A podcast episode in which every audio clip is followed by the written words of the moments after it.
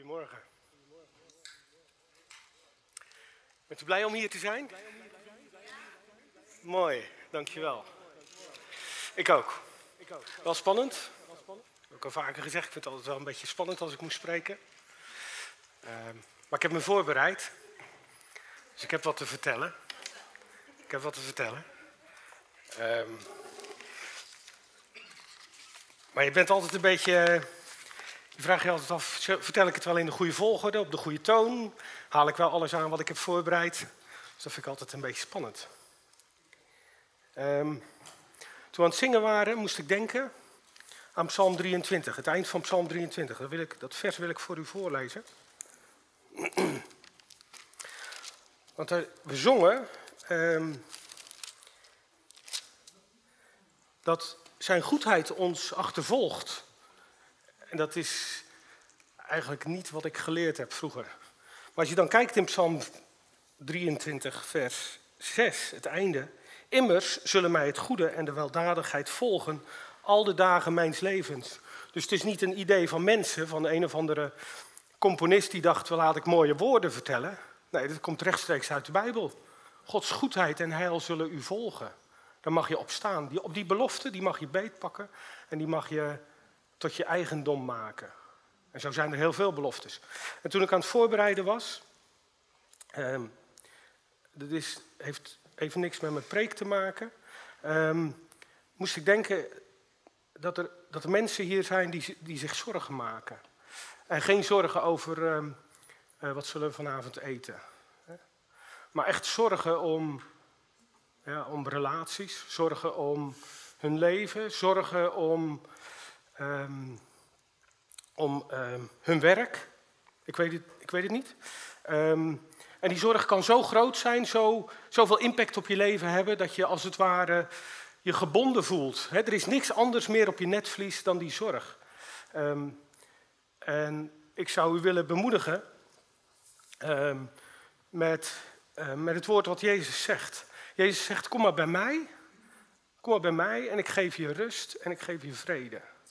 Kijk maar naar Jezus en hij gaat die zorg gaat hij, gaat hij aanpakken. Is de oplossing, is de situatie direct anders? Ik hoop het voor u. Ik hoop dat het verandert, dat het vanmiddag verandert. Dat hoop ik. Maar als dat niet zo is, vestig dan uw hoop en uw blik op Jezus. Zeg, Heer, ik zie het niet, ik zie de oplossing nog niet, maar u gaat hem geven. Want die oplossing, die is er, die heeft hij. Um, en we zijn hier in de gemeente vrij. Dus als u zich, ehm, als u zegt van ik wil dat je daarvoor bidt, dan doen we dat nu.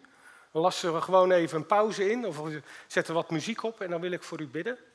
Als u zegt, nou dat vind ik te spannend, ik schaam me een beetje om mijn hand op te steken of om naar voren te komen, dan blijft u gewoon zitten.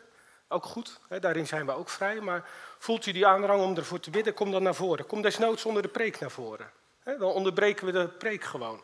Ik geloof dat het goed is dat we een gemeenschap vormen waarin we vrij zijn, waarin je jezelf mag zijn. En ik ga ook over vrijheid weer vandaag spreken, dat heb ik jullie beloofd. Een derde preek over vrijheid. Um, ja, drie preken. veel, hè? Um, maar ik heb mijn preek wel genoemd vrij en dan. We zijn vrij en dan. En um, ik wil uh, Wendelin bedanken voor het uh, voor het, uh, plaatje wat je stuurde, voor de kring, van die vogelkooi. Um, en dat beeld wil ik eigenlijk, daar wil ik eigenlijk mee beginnen. Um, als, we, als, we, als we nog niet een eigendom van Jezus zijn, dan zitten we in een kooi. Dan zijn we gevangen, dan zijn we slaaf, dan zijn we, zitten we, hebben we geen vrijheid. Dan, doen we, dan hebben we geen uitzicht. Hè? Die tralies die houden ons tegen. En toen Jezus kwam en die deed um, dat bijzondere werk voor ons. Toen zette hij die kooi zette die open. Hij maakte het deurtje open. En nou is het aan ons wat we daarmee doen. En soms heb ik het idee dat, um, um, dat er mensen zijn die, die zitten met hun staart naar, uh, naar dat, uh, naar dat, naar dat uh, deurtje toe. Dus die, daar wordt wel tegen gezegd van joh, je bent vrij. Maar ja, ze zien dat deurtje helemaal niet openstaan. En je hebt ook mensen die zitten op, op, op dat. Uh, niet, is dat heb je dat plaatje of niet? Maakt niet uit. We, kunnen, begrijpen allemaal wel hoe het eruit ziet. Er zijn ook vogels die zitten op dat, op dat staafje en die, die, die kijken naar dat open deurtje en die vragen zich af, ja, kan daar wel uitgaan, maar ja, wat betekent dat allemaal? En er zijn ook vogels die zitten al op de rand. die zijn al van dat stokje af en die zitten op die rand en die kijken zo naar buiten en die denken van, is dit echt voor mij, die vrijheid? En er zijn vogels die zijn al gevlogen. die zijn weg, die vliegen al, die zijn al vrij. En ik dacht ook, ja, in welke fase je ook zit, ehm, hoe je die vrijheid ook ervaart of hoe je die ook beetpakt, zelfs daarin ben je vrij. Als je op dat stokje zit en ze zeggen tegen je dat deurtje staat open en je denkt, ja, het zal wel, dan is het nog goed. Want je bent een eigendom van Jezus. En dat is het belangrijkste. Maar het kooitje staat open. Je mag eruit, je mag gaan vliegen. Je mag de ruimte nemen, je mag in de vrijheid gaan leven en je mag uiteindelijk tot het doel van die vogel komen. Want de bedoeling van die vogel is niet dat hij gekooid is. De bedoeling van die vogel is dat hij vrij is, dat hij vliegt. En als we een keer die vrijheid ehm, ervaren en zien in ons leven, en die vrijheid, daar wil ik nog even op doorgaan zometeen, die gaat echt heel erg ver, heb ik gezien of heb ik gemerkt. Ehm, dan is het een beetje de vraag, ja, wat betekent die vrijheid nou voor mij? Wat houdt dat in? Wat voor, in wat voor wereld kom ik dan terecht? Wat voor ruimte heb ik dan gekregen? En ik wil beginnen met Colossense 2. Die heb ik de vorige keer ook voorgelezen. En ik heb gelezen tot en met vers, um, tot met vers 15. En Colossense 2 merk ik, dat wordt een beetje mijn, mijn lijfhoofdstuk, denk ik. Daar zit, daar zit zoveel in over het kruis, wat Jezus aan het kruis heeft gedaan. Hij heeft onze zonden vergeven, ja, amen. Zijn vrijgemaakt van alle verkeerde dingen. Nu, vandaag, morgen, overmorgen, volgende week, volgend jaar. Daar zijn we vrij van. Maar hij heeft nog veel meer gedaan. Hij heeft u hij heeft de machten die er waren, heeft hij vastgezet, heeft hij ontmanteld, heeft hij ontdaan van al hun macht. Ze mogen geen invloed meer uitoefenen over jou. Je hoeft de machten die er zijn en die invloed op jou proberen uitoefenen, die mag je in zijn naam mag je die weerstaan. Dus er is heel veel meer gebeurd daar aan het kruis. Daar heb ik het al over gehad. Dat is de vol, volkomen vrijheid die Jezus bracht aan het kruis. Hij heeft ons uit dat slavernij heeft hij ons vrijgekocht, vrijgemaakt. Hij heeft de machten heeft hij afgedaan, heeft hij gebonden. Die hebben geen, uh, geen zeggenskracht meer in zijn naam. Um, en dan gaat Paulus daar verder vanaf dat punt. En dan zegt hij: Laat niemand u iets voorschrijven op het gebied van eten, drinken, het vieren van feestdagen, nieuwe maan, sabbat. Laat niemand iets voorschrijven. Nou, daar houden wij toch van, Nederlanders. Laat niemand u iets voorschrijven. We zijn een vrij, vrij gevochten volkje.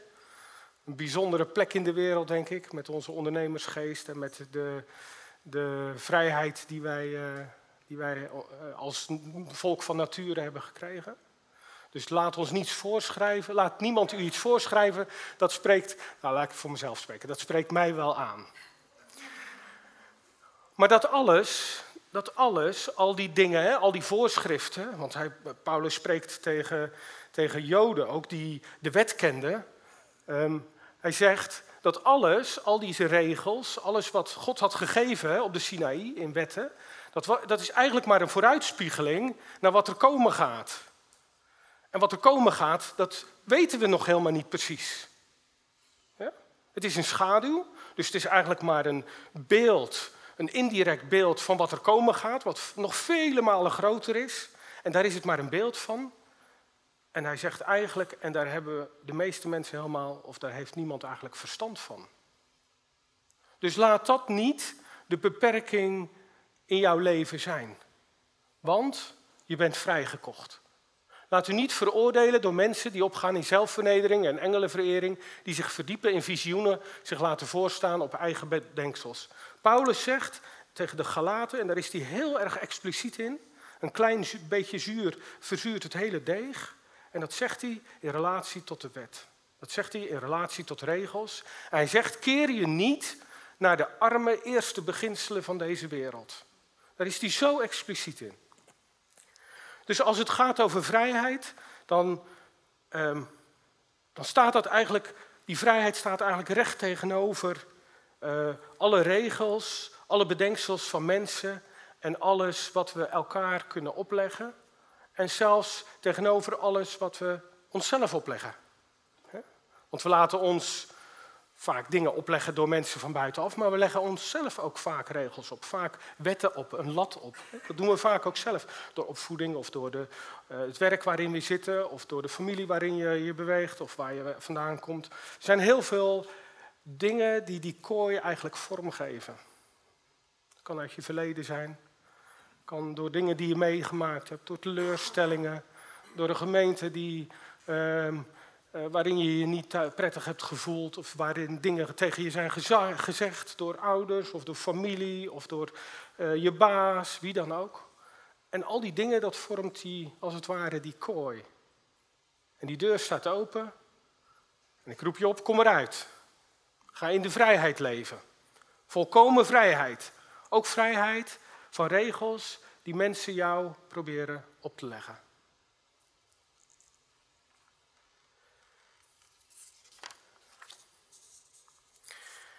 Als we uit die kooi komen, dan eigenlijk was dat, is dat de, conclusie van mijn preek. En ik dacht, ik begin ermee. Als mijn preek dan onsamenverhangend is, dan zeg ik, joh, weet, weet je nog de twee, de twee dingen die ik gezegd heb? Als je die nou onthoudt, dan mag ik de rest allemaal vergeten. Um, maar ik, ik, heb het niet gedaan, want ik geloof dat God me, God me leidt en dat, we, dat, dat u het begrijpt. Daar ga ik vanuit. En ik wil lezen met u nummer 9. Want als je uit die kooi komt, dan verandert als het ware de wereld voor jou. De wereld waarin je leeft, die verandert eigenlijk. En er zijn er een paar dingen die veranderen. En ik heb er, ik, ik, in de voorbereiding dacht ik, nou, dat zijn voor mij twee dingen die er veranderen. En je kunt er nog veel meer aan hangen. Maar een van de dingen die verandert is het volgende. En op de dag waarop de tabernakel met de verbondstekst was opgebouwd, werd hij overdekt door een wolk. Het volk Israël was vrijgemaakt, ze gingen de woestijn in, eh, ze moesten rondtrekken. En God geeft uh, Mozes hele duidelijke instructie hoe hij de tabernakel moet opbouwen, welke materialen die moet gebruiken, hoe het moet ingericht worden, welke voorwerpen er moeten zijn, wat de procedures zijn enzovoorts. de tabernakel kwam in het midden van het leger te staan. En God zou daar gaan wonen. Zijn aanwezigheid zou daar komen in het volk.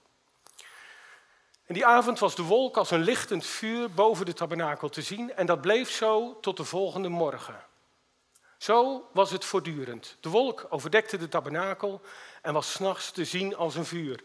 Toen ik daarover nadacht, dacht ik dat moet voor de volken daaromheen ook wel heel erg apart zijn geweest om dat te zien. Dat er een wolk was eh, want er wordt ook beschreven dat het een wolk voor schaduw was hè, voor het volk, maar ook een vuur voor licht, voor richting, hè, voor uh, licht in de nacht. Dus dat is, dat, dat is voor de volken daaromheen ook een heel bijzonder teken geweest, dat daar iets bovennatuurlijks met het volk Israël aan de hand was. En telkens als de wolk zich van de tent verhief, trokken de Israëlieten verder en op de plaats waar de wolk stilhield, sloegen ze hun kampen op. Ik dacht dat ik nog een vers had. Klopt dat? En op bevel van de Heer trokken de Israëlieten verder en op bevel van de Heer sloegen ze hun kamp op. Zolang de wolk op de tabernakel rustte, bleven ze op de plaats waar ze waren. En dat op bevel van de Heer, dat we, daar werd ik door getriggerd. Wat betekent dat eigenlijk? Betekende dat toen het volk Israël in Egypte was, werd hun leven bepaald door hun slavendrijvers. Die bepaalden wanneer ze aten, die bepaalden wanneer ze dronken, wanneer ze moesten gaan werken, wanneer ze moesten gaan slapen. Uh, die bepaalden het hele ritme van hun leven, werd bepaald door hun slavendrijver. En het ritme in, het, in de woestijn werd heel anders. Het ritme in, het, in de woestijn ging, werd door de Heer bepaald. God ging zeggen, zo, nu is het tijd om op te trekken. Pak je boeltje maar bij elkaar, we gaan verder. En het hele volk moest kijken naar die wolk boven die tabernakel en moest kijken van hé, hey, wat doen we vandaag? Gaat de wolk omhoog? Gaan we verder trekken of blijven we hier? En zo ging dat. Soms waren ze een dag ergens, staat er, soms bleven ze maanden ergens. En op bevel van de Heer trokken ze verder of bleven ze staan. En toen dacht ik van ja, eigenlijk is dat in ons leven ook. Op het moment dat wij Gods geest ontvangen, en die ontvang je op het moment dat die kooi wordt opengezet. Hè, keer elke keer maar terug naar die kooi, dan weten we waar we zijn. Als die, die deur wordt opengezet, dan ontvang je Gods geest. En dan gaat Gods geest je leiden in dit leven. Die gaat je aan, aanwijzingen geven, die gaat je attent maken op dingen, die gaat je ehm, ehm, helpen, gaat je inspireren, gaat je wijsheid geven, gaat je woorden geven. Gaat zeggen van zo, even rustig nu misschien. En nu mag je optrekken, nu gaan we dit doen. En zo gaat Gods geest het ritme bepalen op het moment dat je vrij wordt. Dat is een van de kenmerken van het vrij worden. Dat je geleid wordt door Gods geest. Dat je niet meer als het ware geleefd wordt door de beperkingen van die tralies die je voor je ziet, maar dat Gods geest je gaat leiden in al die dingen, al die facetten van het leven. Dat was een van mijn conclusies hieruit.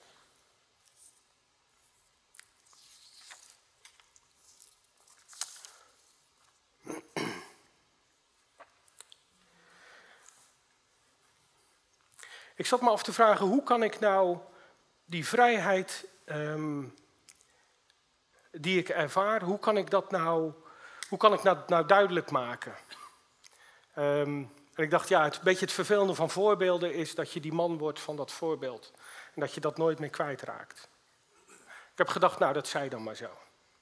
En ik dacht, ik had vroeger, laten we zeggen vroeger, um, laten we zeggen tien jaar terug, als je mij had gevraagd van, joh, um, als je nou op de snelweg rijdt en je rijdt, je mag 130 rijden, je rijdt 140, is dat zonde of niet? Had ik jou gezegd, ja, dat is absoluut zonde. je doet niet wat er wordt gezegd, niet in overeenstemming met de regel, dus dat is zonde. ik, zal, ik zal u vertellen, ik heb er helemaal geen moeite mee. Zelfs niet met 150 rijden. Wat heb ik nou weer gezegd? Dus als ik tien jaar terug 130 ehm, reed, netjes aan de regels hield, ik deed netjes wat de regels van mij vroegen, en er reed iemand 135, was mijn eerste gedachte, hé, hey, wacht even, die houdt zich niet aan de regels. Ja? Dus dat was voor mij, omdat ik zo netjes me aan de regels hield, dan is alles wat daar voor mij van afwijkt, ja, is fout, is uh, slecht is zondig. Hè? Ik bestempelde dat gelijk als zondig ook. Oh, oh.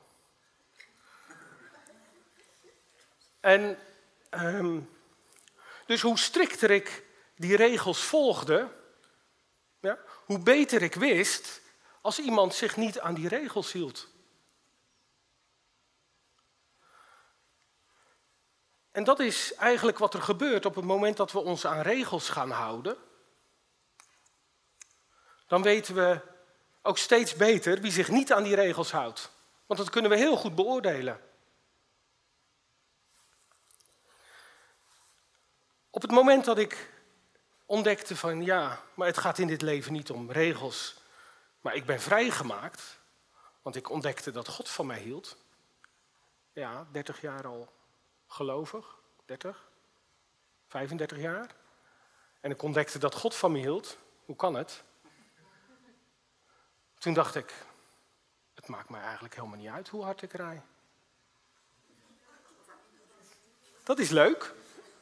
En ik had er ook geen schuldgevoel meer over. Dat is helemaal mooi, toch? Want met een schuldgevoel rondlopen, dat willen we niet. Toch? Je wilt, toch niet, wilt je toch niet schuldig voelen over dingen? En ik weet het, hè? het is een gevaarlijk voorbeeld. Maar ik voelde me niet meer schuldig, en dat heb ik nog steeds. Ik voel me niet schuldig als ik te hard rij.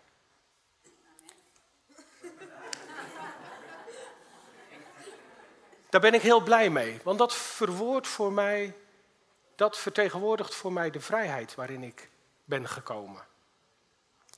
Dan zult u terecht zeggen, maar Paulus zegt toch dat we de overheid moeten gehoorzamen? Absoluut. Romeinen 13 hè, zegt, iedereen zij de overheid gehoorzaam. Waarom? Om een aantal dingen. Maar ze zijn ingesteld door God. Alle overheden, dat is ook zo apart. Hè? Alle overheden, toch staat het er. En ze zijn altijd bezig tot uw en tot mijn welzijn. Ja, daar zijn ze gedurig mee bezig. Ze willen dat het u en mij wel gaat. En er zijn heel veel dingen die, waar we commentaar op hebben hoor, in Nederland. Hè? Want we zijn een, een landje van commentaar, dat weet ik. Maar ze zijn bezig voor u en voor mijn welzijn. Daarom is de belasting, daarom hebben we verkeersregels, daarom spreken we dingen met elkaar af enzovoort. En dat is goed. Dus we gaan ook niet mopperen daarop. Nee, want ze zijn bedoeld voor ons welzijn. Oké. Waarom zou ik me dan toch aan die snelheid houden? Waarom is er een reden dat hoewel ik me vrij voel om die regel van de overheid te overtreden, hoewel ik me daar niet schuldig over voel, waarom hou ik me dan toch aan die regel? En ik probeer het wel. Ik probeer me toch aan die regel te houden. Maar de grond daarvoor is niet meer het feit dat ik me schuldig voel, ook niet het feit dat ik een bekeuring kan krijgen, want we hebben flitsmeister tegenwoordig, dus dat is allemaal helemaal niet nodig. Ja? Dus waarom zou ik dan toch me aan die regel houden?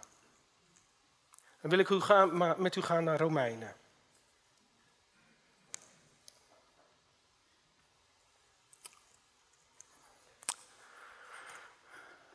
Aanvaard mensen met een zwak geloof zonder hun overtuiging te bestrijden. De een gelooft wel dat hij alles mag eten, maar iemand die een zwak geloof heeft, eet alleen groenten.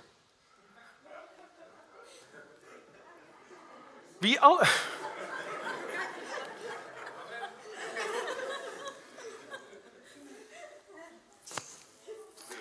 Wie alles eet, mag niet neerzien op iemand die dat niet doet. En wie niet alles eet, mag geen oordeel vellen over iemand die dat wel doet. Want, want we zijn allemaal een kind van God. En God heeft iedereen geaccepteerd zoals die is. Wie bent u dat u een oordeel velt over de dienaar van een ander? Of hij wel of niet volhardt in het geloof, gaat alleen zijn eigen meester aan.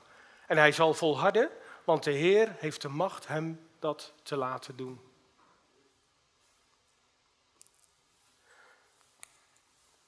Dus, het is nog maar een klein stukje, maar hierin wordt duidelijk gemaakt dat we naar de ander toe, dat we de ander vrij laten. Vrij in de keuze die hij maakt. Vrij hoe hij zijn leven inricht en wat voor keuzes hij maakt. Onderlinge vrijheid die we elkaar geven.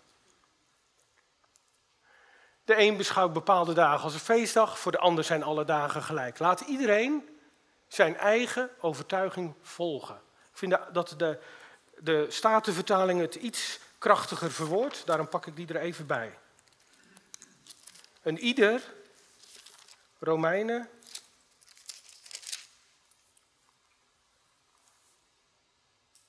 Een ieder zij in zijn eigen gemoed ten volle verzekerd. Dat wil zeggen dat als jij een overtuiging hebt en jij bent ervan overtuigd dat die overtuiging goed is, dan mag je daar ten volle van verzekerd zijn. Dan is er niemand die jou daar op dat punt mag oordelen. Dat is nog eens vrijheid in je eigen gemoed ten volle overtuigd zijn van wat jij voor goed of wat jij voor niet goed houdt. Zou ik de volgende tekst uit Romeinen willen lezen? En daar gaat het, het laatste punt van mij over in deze preek. Er staat, zijt niemand iets schuldig dan elkander lief te hebben. Romeinen 13, vers 7. Eh, 8, sorry. Want, zijt niemand iets schuldig dan elkander lief te hebben. Want, die de ander lief heeft, die heeft de wet vervuld. Prijs de Heer. Er wordt een hele ander ritme neergelegd, een hele andere omgevings, omgeving eigenlijk buiten die kooi. We worden, we gaan lief hebben. De liefde gaat ons ritme bepalen. En ik ben heel erg voor vrijheid, absoluut. Geloof me. Maar de vrijheid is niet het richtsnoer waarmee we buiten die kooi acteren. Maar de liefde is wat ons gaat leiden. De liefde voor de ander. De liefde namelijk, die doet de naaste geen kwaad.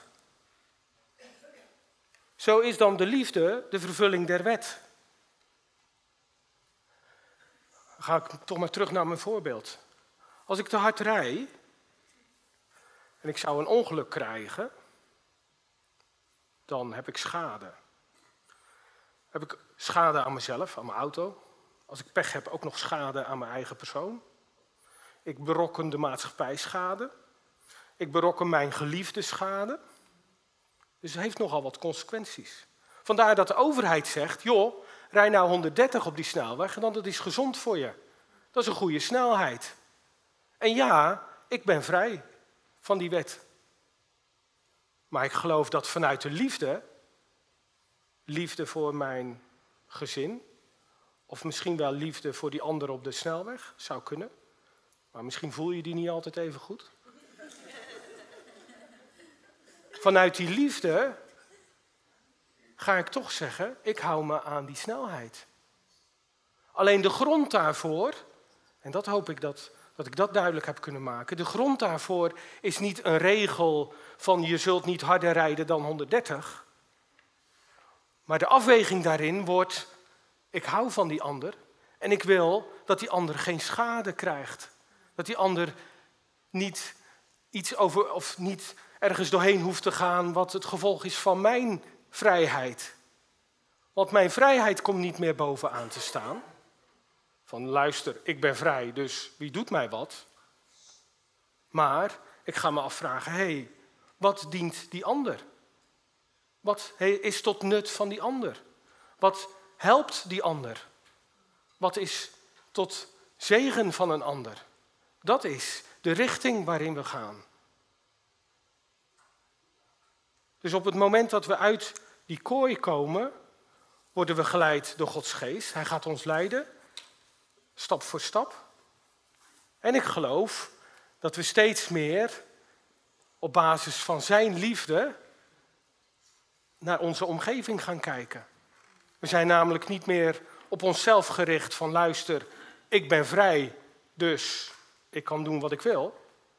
Nee, ik heb het welzijn en het goede en het, ehm, wat de ander tot nut komt, dat ga ik op het oog krijgen. En daarmee gaan we de wet vervullen.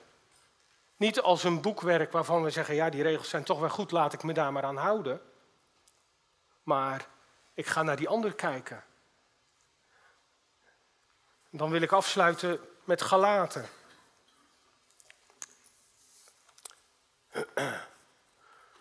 Broeders en zusters, u bent geroepen om vrij te zijn. Amen. Misbruik die vrijheid niet om uw eigen verlangens te bevredigen. Maar dien elkaar in liefde, want de hele wet is vervuld in één uitspraak. Heb uw naaste lief als uzelf. Dus het gaat niet meer om de regels die we wel of niet goed vinden, of de regels die we voor elkaar wel of niet maken. Maar het gaat erom van, hé, hey, wat dient die ander? Waarmee ben ik die ander tot nut? Wat zou die ander nodig hebben? Dat is waar we toe geroepen zijn. In die vrijheid, ja, in die vrijheid. Als u mij vraagt, voel je je vrij? Ik voel me ook niet altijd vrij. Als ik op mijn werk zit en een klant belt met een probleem, of die, eh, die vindt dat ik het niet goed gedaan heb, dan voel ik me ook niet vrij. Als ik maandagmorgen weer naar mijn werk moet, dan voel ik me ook niet altijd vrij. Dus we voelen ons niet altijd vrij. Soms zitten we wel eens in een kooi. Maar we zijn tot vrijheid geroepen. En de liefde, dat wordt het nieuwe, het nieuwe ritme waarin we gaan leven. Dien elkaar in liefde. Want de hele wet is vervuld in één uitspraak. Heb uw naaste lief als uzelf. En ik dacht, hoe kan ik nou, als ik nou een vogel uit een kooi haal, en daar wil ik mee eindigen, ehm, wat gebeurt er dan? Hoe zou ik dat kunnen verbeelden, die vrijheid en die, ehm, die ruimte die zo'n eh, vogel heeft? En ik weet niet, is dat filmpje, is dat geluk David? Ja? Wil je het laten zien? Is zo indrukwekkend. Een, film, filmpje van een zwerm spreeuwen. Misschien heeft u het wel eens gezien of op, uh, op YouTube gezien.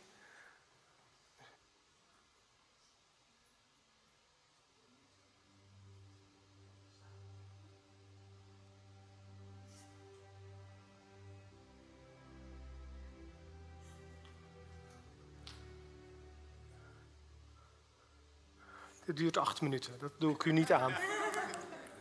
Muziek mag wel. Uh,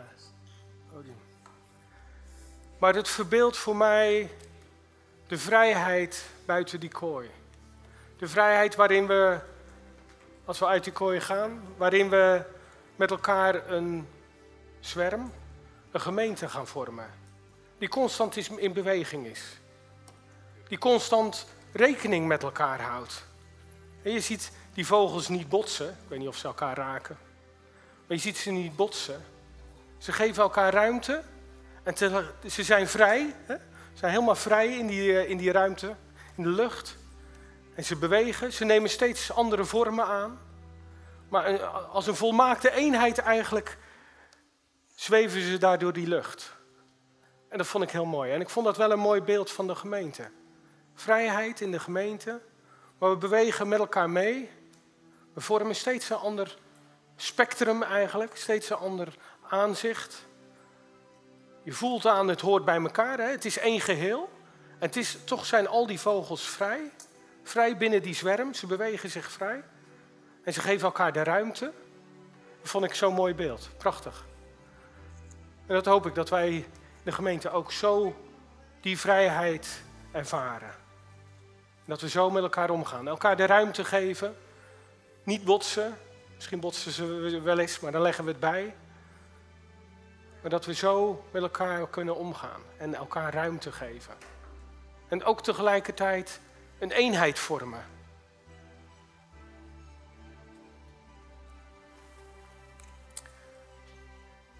Ik wilde afsluiten met uh, Colossense 3, vers 1.